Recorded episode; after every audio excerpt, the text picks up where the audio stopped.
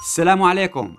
أنا أيمن عبد النور عم بحكي معكم من لوس أنجلوس بالولايات المتحدة الأمريكية بالرسالة رقم 56 للسوريين كل السوريين وين ما كنتوا تكونوا بكل مناطق سواء داخل سوريا أو خارج سوريا. وبشكركم كثير على المتابعة الكبيرة ودائما بضل بذكر إنه ما توقف أي نسخة عم توصلكم بأي وسيلة تواصل اجتماعي عنكم دائما إلوها وبعتوها لرفقاتكم لزملائكم لكل الناس للرماديين للموالين لأنه هلا كمان مثل ما رح تشوفوا بهالرسالة اللي فيها معلومات جدا مهمة. آه، فقط معلومات ما في تحليل ما في آراء شخصية. هن كل شخص قادر إنه يقوم ويقدم التحليل وفق وجهة نظره بناء على معلومات على الأقل إنه تكون مدققة من أصحابها وكلنا متفقين عليها. قبل ما أنسى خليني أيضا كمان أشكر المواقع الجديدة اللي عم تنضم لنا وآخرها موقع نداء بوست كمان وبنقول له شكرا لنشره وبثه الرسالة الصوتية على موقعه ال website تبعه خلونا نبدأ بالموضوع اللي طرحته صحيفة المدن آه، عن زيارة مبعوث خاص للنظام السوري لواشنطن واللي فضح المعلومة الكاتب السياسي الروسي رامي الشاعر وهذا الشيء مباشرة مثل ما قالت الصحيفة إنه بيولد عنا أسئلة إنه ليش توقيت اعلانها هلأ؟ وخاصة نحن الآن في وضع متفجر في الجنوب وفي درعا، هل روسيا وإيران على علم بالزيارة وقاموا بتنسيقها مع نظام الأسد؟ هل آه، يعني هذا المبعوث مين قابل؟ وشو طرح على الأمريكان؟ وشو كان رد الفعل على عرضه؟ الصحيفة المدن عملت لقاءات مع خبراء روس لتاخذ رأيهم ومنهم كيريل سيمونوف وأيضا غريغوري أساتاريان قالوا انه ما بيعتقدوا إنه هي الزيارة فيها خنجر بظهر آه، روسيا للعلاقات أو تؤثر على العلاقات الروسية السورية. بينما الكاتبة يوليا يوزيك آه، قالت إنه إنه بشار الأسد البراغماتي آه، ممكن يكون هو شاف إنه مساعدة موسكو ما عاد بحاجة لها وإنه هو ممكن يحل كل قضايا مع واشنطن مباشرة. وبالتالي بوده لبشار الأسد إنه يتخلص مو بس من روسيا حتى من الوجود الإيراني الثقيل لأن دين ثقيل عليه تسديده. لكن وضع أنه يتخلص من الإيرانيين أكثر صعوبة مما يتخلص من الروس. لأنه هو بيخاف أكثر أصلا من الإيرانيين. فالمسألة لأنه المسألة السورية بالنسبة لفيلق القدس وطهران هي أحد أهم مسائل الأمن القومي بالنسبة لإيران. فلذلك بتعتقد أنه مبادرته بإرسال الموفد كانت منسقة مع إيران. ضمن هذا الوضع سألنا نحن حقيقة آه، وقلنا الشرف إنه نقدر نحكي كبرنامج لإلكم شو اللي آه، صاير. الزيارة حقيقة إلى خلفية يعني ليش ليبعت بشار الأسد شخص للولايات المتحدة؟ في خلفية امتعاض من روسيا. إنه عم بيعتبر روسيا عم تلعب مع حاضنته الأساسية اللي هي الحاضنة العلوية في الساحل السوري. وذلك من خلال عدد من اللقاءات اللي أجرتها مع قيادات آه، سواء الموجودين من الطائفة العلوية داخل سوريا أو خارج سوريا ومن مختلف تياراتهم السياسية وأيضا الدعوات اللي وجهتها يعني لبعض الأشخاص ليزوروا روسيا والإفادات اللي عم بتقوم فيها لعديد من الضباط لحتى يدرسوا في المدارس العسكرية الروسية ويتخرجوا ويرجعوا ويستلموا مناصب أعلى في سوريا. والعلاقات اللي عم تنسجها آه، حميمي مع مختلف الشرائح الاجتماعية في اللاذقية وفي طرطوس. فهذا اعتبر اعتبر النظام إنه روسيا عم تضرب تحت تحت الحزام وإنه هو ما ممكن يخاطر بهذه يعني العلاقات إنه يفقد سيطرته الكاملة الاقتصادية والاجتماعية والسياسية والمالية والدينية حتى على الطائفة اللي بيمثلها رأس النظام السوري. فهذا موضوع جدا قلق بالنسبة له وحقيقة في امتعاض الآن ضمن القاعدة العلوية في امتعاض وشاهدتوا أنتم يعني آه، ما جرى في صافيطة ما جرى في كثير من الأماكن من احتجاجات آه، على الوضع الحياتي على الوضع المعيشي. ما قامت به المذيعة رنا علي آه، من فيديو بيعبر عن استياء شديد من وضع الحياتي والمعيشي والاقتصادي. فطبعا رغم إنه هي أصدرت بعدها فيديوهات دافعت عن حالها وبينت إنه هي ما معتقلة ولم تتعرض لأذى وأنها تدعم رئيس النظام. وردت حقيقة على الردود على الردود والهجوم اللي صار عليها من الطرفين يعني سواء من الموالاة والمعارضة ما لازم نوصل لهالمستوى يعني بدهم يردوا عليها خلي يردوا الموالاة يبينوا حجم أخلاقياتهم أما كان لازم المعارضة تبتعد آه، تستفيد مما ورد بالفيديو تبعها لكن ما تدخل في طرف إنه هي تنفرها من من من من من أي جماعة أو مجموعة معارضة. فضمن هذا المناخ العام النظام صار له أكثر من سنة ونص تقريبا حقيقة ينشط الآن في آه، تدمير خلينا نقول آه، سمعة روسيا بعد ما كانت مرتفعة جدا جدا في الساحل السوري. لكن النظام الآن بدأ يستغل لحقيقة بعض الشرائح الأقل ثقافة والأقل تعليما من الطائفة العلوية وأعطى أمر لعدد من الأشخاص سواء الموجودين في منصب مسؤولية رسمية ببدء بث في كل لقاءاتهم وفي كل مجالسهم بالتوجيه ضد روسيا وتدمير سمعتها. وخلينا نقول شو هن يعني المقاربات التي يستخدموها في الإساءة لسمعة روسيا في منطقة الساحل السوري. أنه روسيا هي اللي عم تدعم كل الاحتلالات. وأنه لولا روسيا معظم هذه الاحتلالات الموجودة كان يستطيع النظام السوري من خلال الجيش التابع له أن ينجح في إعادتها إلى حضن الوطن كما يقول وبالتالي يحمل كل هذا الأمر إلى روسيا والتزاماتها الخارجية. أيضا يذهب إلى إخافة قاعدته وقت اللي بيقول لهم إنه لو توفى بشار الأسد شو بيصير فيكم؟ ليهجموا عليكم ويذبحوكم. طبعا هذا غير صحيح لكن هذا يعني ما يروجه جماعة النظام السوري. أيضا آه، سمح الآن بعودة إيران بما سمي الآن الموجة الثانية.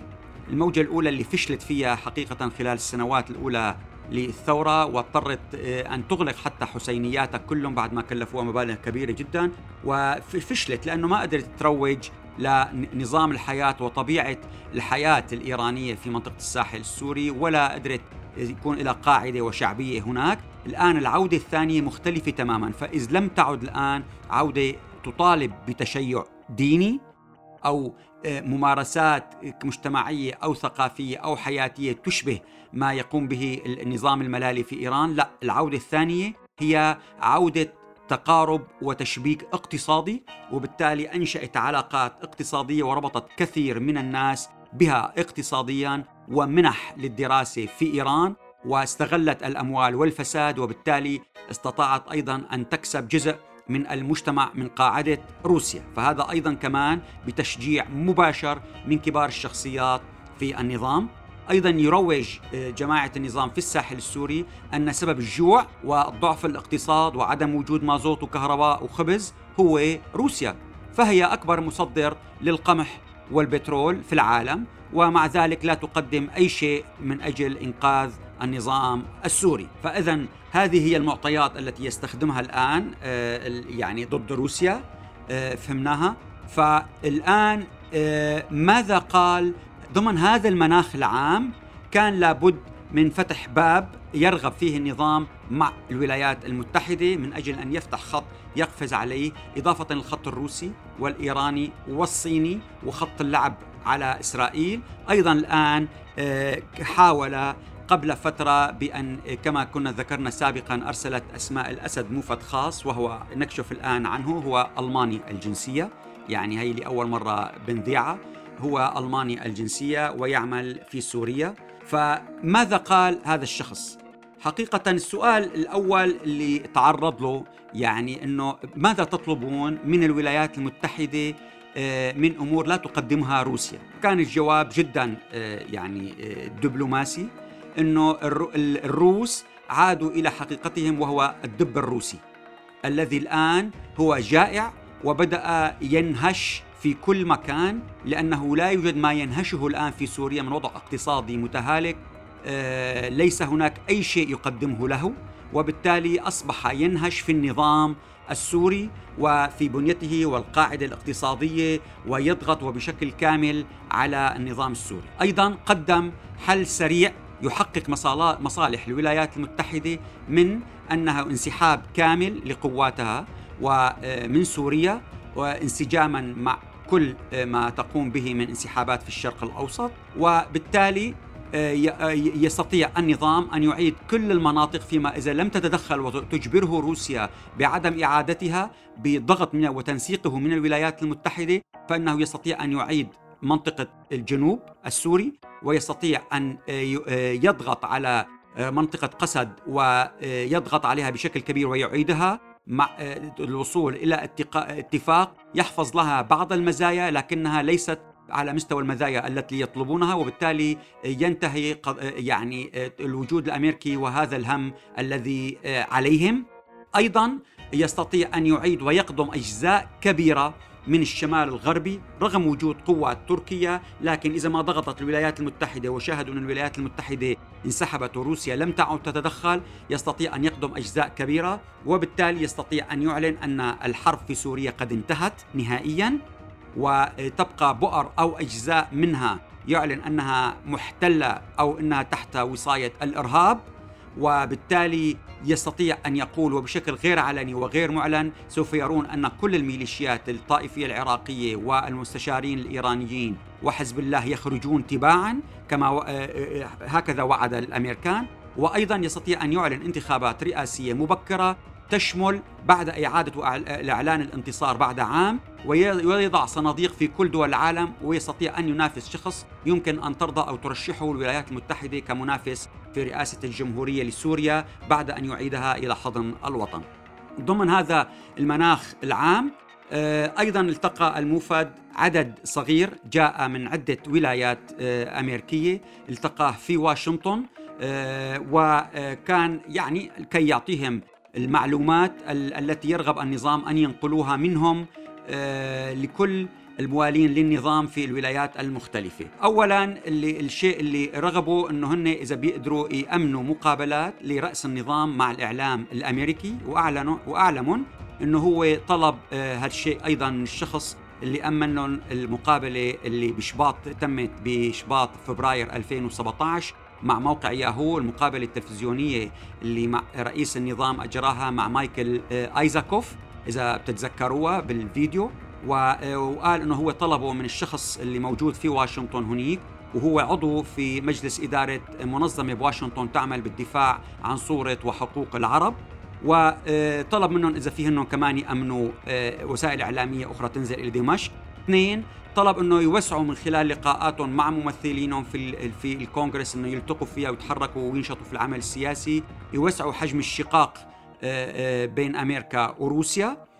أيضا طلب إنه آه، يزيدوا ويطلبوا من الكل إنه يزيدوا حجم الأموال اللي بيرسلوها إلى سوريا من أجل مساعدة أهاليهم أو إنه يستثمروا هناك.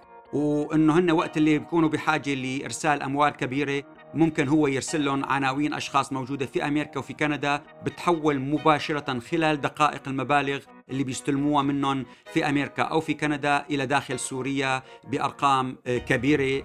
هذا المناخ العام للقاء. أيضا تفاجأ أحد الحضور فسالوا إنه معقول هالحكي اللي يعني إنه أنت يعني روسيا وصلت هيك وعم تعمل هذه القضية فهو استهجن إنه وما صدق الحديث فأعطاه مثل الموفد السوري قال له يعني اكد لك هذا الشيء إنه هن ما عم بيحلبوا صافي مع آه سماه مع بشار الأسد وإنه آه راح بليلة عيد الأضحى مع عائلته بشار الأسد كان رايد يصلي في حلب وإنه آه طلب التغطية من القوات الروسية ورفضوا يخلوه يعطوه الموافقة إنه ينزل لحلب وبالتالي هن عم بيساهموا في تخفيض آه، سمعته وشعبيته آه، في داخل سوريا في كل المناطق. وحقيقة الموضوع أنا هذا حبيت دققه حتى نحكي لكم بدقة فاتصلت مع المحامي آه، عيسى إبراهيم هو حفيده للشيخ صالح العلي وعنده علاقات جدا متميزة وبدقة أعطانا معلومات أكثر بكثير من اللي حكى لهم إياها مفد النظام للأشخاص اللي اجتمعوا معهم بواشنطن وذلك من خلال مصادر بالجيش والأمن مقربة منه للمحامي عيسى إبراهيم. وقال التالي قال إنه الأب أرسل حقيقة آه، بشار أسد ثلاث ضباط ومعهم صف ضابط تخصص هندسي وفنيين من كتيبة الموكب الموكب. بعتهم لحلب وقسم من الفريق راح لخان شيخون استقبلهم آه، بحلب ضابط استخبارات جوية كان بالأساس عم بيخدم باللواء 105 وتفقدوا ثلاث جوامع محتملة كي يؤدي بها بشار الأسد صلاة العيد. وبعد ما دققوا ورسموا الخطة سافر بشار الأسد إلى حمص ومن هناك لطرطوس وجبلة. وقعد بجبلة ببيت هو بيملكه في بستان الباشا قرب بستان الباشا. و11 بالليل أعلموا الروس رفض لسفره والصلاة في آه، حلب. وخمسة الصبح أبلغ المسؤولين أن الصلاة رح تتم بحمص. فهذا آه، يعني تدقيق لما قالوا أولا مفد النظام السوري للمؤيدين له في واشنطن. تم تدقيقه من قبل أشخاص قائمين على الحدث مباشرة. وهذا كمان يعني شيء بيأكد أنه كل المعلومات عم بيتم تدقيقها من مصدرين ومن أصحابها قبل أن يتم بثها برسالتنا لكم الصوتية. هلا في عدد من القضايا حقيقة اللي شغلت الشارع السوري إضافة لما يجري في درعا اللي هي آه، يعني تماما مثل ما عم بنقول عبارة عن تمييع مطمطة بدون اتخاذ قرار. النظام عم بيستغل الوقت المطمطة هذا بقضم والإساءة أدت إلى استشهاد شاب سوري في درعا البلد من شظايا القصف للنظام السوري وبالتالي ضغط كبير ما عاد في مواد غذائية ما في آه، وحدة طبية آه، ما عم بيقدروا ينقلون إغلاق المعابر لنقل المدنيين والمصابين وهذا كله عم بيكون حقيقة يعني شيء كبير. الآن حتى جزء من الأهل درعا عم بيقولوا إنه هن ما بقى رايدين يكتفوا بالوسيط الروسي إنه ليش ما يكون الوسيط الأمريكي اللي موقع الاتفاق مع الروس بال 2018 من وزارة الخارجية الأمريكية طرف وليش ما يكون الأمم المتحدة مبعوثين من جي بيدرسون اللي التقى معاهم عبر الزوم للناس من داخل سوريا وأيضا مع آه، ممثلين الاتحاد الأوروبي. فايضا صارت هي مطالبات جديدة للخصوص وضع في درعا. الوضع الأكبر أيضا هو ما جرى بأنقرة ضد السوريين. حقيقة يعني الهجوم الكبير المظاهرات اللي أدت إلى تكسير سيارات اللي مبين أنه بتحمل النمرة السورية أو مملوكة سابقا أو معروفة فيها شعارات لسوريين ومحلات تجارية أو آه، الهجوم على منازل معروف بيقتنى سوريين. وسرقة العفش والفرش وإحراقه في الشارع العام ورغم إنه كانت الشرطة موجودة لكن كانت تراقب ولم تتدخل تعتقلهم إلا لليوم التالي وبالتالي الوضع يعني آه، في مشكلة خلينا نعترف. فأنا قريت تقرير آه، حابب آه، ترجم لكم اياه يعني فقط بنقاط صغيرة ما حتى ما بين شو مصدره أو شو هو. راح أترجم لكم عدد من النقاط. اولا خلينا كان كان مثير استخدام وسائل إعلام النظام كاملة كلها. يعني بمعنى أن هناك في قرار واضح من وزارة الإعلام تم إبلاغه لكل وسائل الاعلام قامت باستخدامه وهو مرتزقة أردوغان من حملة الجنسية السورية. يعني هن اللي تعرضوا لأعمال العنف في تركيا. وهذا تماما نفس مفهوم بشار الأسد في خطاب القسم عندما قال إنه في سوريين آه، في ناس بيحملوا الجنسية السورية، يعني سحب عنهم صفة الوطنية وإنه هن سوريين، فقط بيحملوا جنسية سورية. هلأ شو قال هذا التقرير؟ آه، آه، خلونا ننتبه لو سمحتوا. عم بيقول هناك توجه عام الآن في تركيا ينمو بشكل مضطرد كبير ضد كل اللاجئين بشكل عام، ومن ضمنهم اللاجئين السوريين. وهذا الشيء عم بيضرب أمثلة إنه كان في مباراة بكرة القدم بتركيا هتف الحضور وهم بالآلاف ضد اللاجئين الموجودين في تركيا بشكل عام. فاذا صار في مناخ عام فهو ليس موجه فقط ضد السوريين. اثنين عم بيقول التقرير المهم أن هناك من يدفع بهذا الاتجاه من داخل تركيا سواء من أجل استخدامها بمناكفات بالحملات الانتخابات القادمة ضد حزب العدالة وضد آه، انتخابات الرئاسة التي سيترشح لها الرئيس أردوغان وأيضا هناك دفع بهذا الاتجاه دولي من بعض الدول لها مصلحة في تحجيم تركيا والضغط عليها من أجل الموافقة في ملفات خارجية إذ أن شعورها بالضعف داخليا سوف يدفعها ويدفع الرئيس ووزارة الخارجية للموافقة على مواقف لم تكن لتوافق عليها إلا تحت الضغط. ثلاثة بيقول التقرير إنه التظاهرات اللي هي صارت واضح من خلال طريقة الترتيب من خلال طريقة اخراجها إنه مجموعات تخرج مباشرة من منازلها وتلتقي في نقطة محددة تقوم بعمل ومن ثم تتفرق مباشرة تعود فرادى إلى منازلها وتختفي. آه هذا أشبه بتست. تست آه، يعني تجربة. يعني يعني هو التقرير عم بيقول إنه هذا كل ما جرى ما هو الهدف تبعه؟ يعني رد فعل ضد ما قام به شاب سوري من طعن ومن جريمة وما حدث الذي أدى إلى استفزاز يعني الشارع التركي.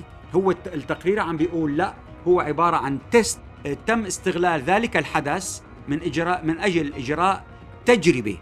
وهذا واضح من خلال قراءته لطريقة خروج الناس والاعمال التي قاموا بها ومن ثم تفرق واختفاء في وقت واحد وبالتالي هو تجربة لما يمكن أن يح... لما هو يتم التحضير له أن يمكن أن يجري في عشرات المدن التركية في وقت واحد وبالتالي يشل الحياة الاقتصادية والشرطة ويصبح أكثر من قدرة الشرطة أن تتعامل معها في عندما تكون بحجم كبير. وأيضا ربطه هو بقضايا آه، مؤتمرات إعادة اللاجئين اللي صارت آه، في سوريا إنه أتت مباشرة بعد والرغبة الروسية والسورية في إعادة اللاجئين حتى لو كميات صغيرة من أجل آه، الضغط على المجتمع الدولي لتحرير أموال بعشرات مليارات أو بمليارات الدولارات لإعادة الإعمار في سوريا تحت باب إعادة اللاجئين. وأكبر كتلة كان مقصود فيها بعد لبنان وأس يعني يمكن أن يعيدوا فيها هي تركيا. وعم بيربطها أيضا إنه ليش ليعين النظام سفيرة بمرتبة سهى قدور كي تكون فقط آه، مديرة لقنصلية. لكن الخطر التقرير عم بيقول لماذا اختار هذه الشخصية بالذات سهى قدور؟ اللي هي أخت خالد قدور الواجهة القوية لماهر الأسد. وبالتالي هناك ما يخطط له من قبل ماهر الأسد مباشرة وقضايا سرية لا يرغب أن يطلع عليها أي شخص من وزارة الخارجية كي يكون هناك مباشرة خط تابع لماهر الأسد مع القنصلية في إسطنبول. يتابع التقرير أن بنفس الفترة كان موجود هناك الفنان السوري علي الديك الذي حشد مؤيدي رئيس النظام السوري وفئات وصبت في مصلحة الأحزاب المعارضة لأردوغان التصرفات والأغاني التي قام بأدائها. الموضوع حقيقة جدير بالدراسة. السيد أيمن أبو هاشم بيقول أنه بتتواجد بتركيا مؤسسات للمعارضة السورية ومؤسسات إعلامية سورية ومنظمات مجتمع مدني سوري والمجلس الإسلامي السوري وممثلي الجاليات والروابط السورية بالمدن التركية. كل هدول لازم يتحركوا بشكل منسق ومدروس ومنظم لمخاطبة المعارضة التركية قبل الحكومة. والتوجه لمنابر مؤثرة وناس مؤثرين في المجتمع التركي وللإعلام التركي وللمساجد التركية من أجل نقل الصورة الحقيقية الإيجابية عن عمل ومساهمات اللاجئين السوريين وأنه في 90 ألف منهم اللي أخذوا الجنسيات التركية هدول معظمهم مهندسين وأطباء ورجال أعمال ومدرسين وطلاب جامعة من الشخصيات المهمة التي أضافت للمجتمع التركي ولم تأخذ منه يعني زادت له ولم تنقص منه. وحتى قال إنه لازم في بعض طالبوا إنه التخريب المتعمد لازم الحكومة التركية تعمل يعني تعطي أوامر سواء لشركات التأمين أو هي تقوم تحت بند الكوارث أو الطوارئ بتقديم إعانات مالية لمن خسروا لأنه ما عندهم غيرها للسوريين اللي خسروها. وبالتالي تطالب ان المجتمع المدني السوري في تركيا هو اللي يتحرك قبل أن تقع كوارث أكبر يبدو هناك شكوك أنه يتم التحضير لها مستقبلا. كان في لقاء مهم لرئيس الائتلاف الشيخ سالم المسلط مع صحيفة سعوديه اسمها عكاظ كانت واضح في البعض اعتبر أنه هي كانت يعني رسالة واضحة أنه الائتلاف ما تابع لتركيا وهو رح يرجع يعمل وينشط علاقاته ضمن محيطه العربي والإقليمي كاملا وبالتالي ركز رئيس الائتلاف بكلمة واضحة إنه السعودية لم تتأخر عن دعم تطلعات الشعب السوري منذ بداية الثورة وهي عمقنا العربي. صار في السؤال أيضا إنه طيب شو بدك تعمل؟ يعني فقال أول خطوة بدنا نصحح مسار الائتلاف بدنا نمكن ونقوي أرضيته، القاعدة الأولى هي مرجعيته بالقرب من الشعب السوري، والأمر الثاني إجراء تعديلات على النظام الداخلي للائتلاف عبر صياغة الرؤية السياسية اللي بتتماشى مع المستجدات الجديدة، فالرؤية الموجودة حاليا هي موضوع عام 2015 وبالتالي عفى عليها الزمان، وأقرار خطاب وطني جامع وعم بيقول بدنا نعزز الائتلاف بشخصيات اعتبارية من كافة المكونات السورية، فشكرا جزيلا لكم.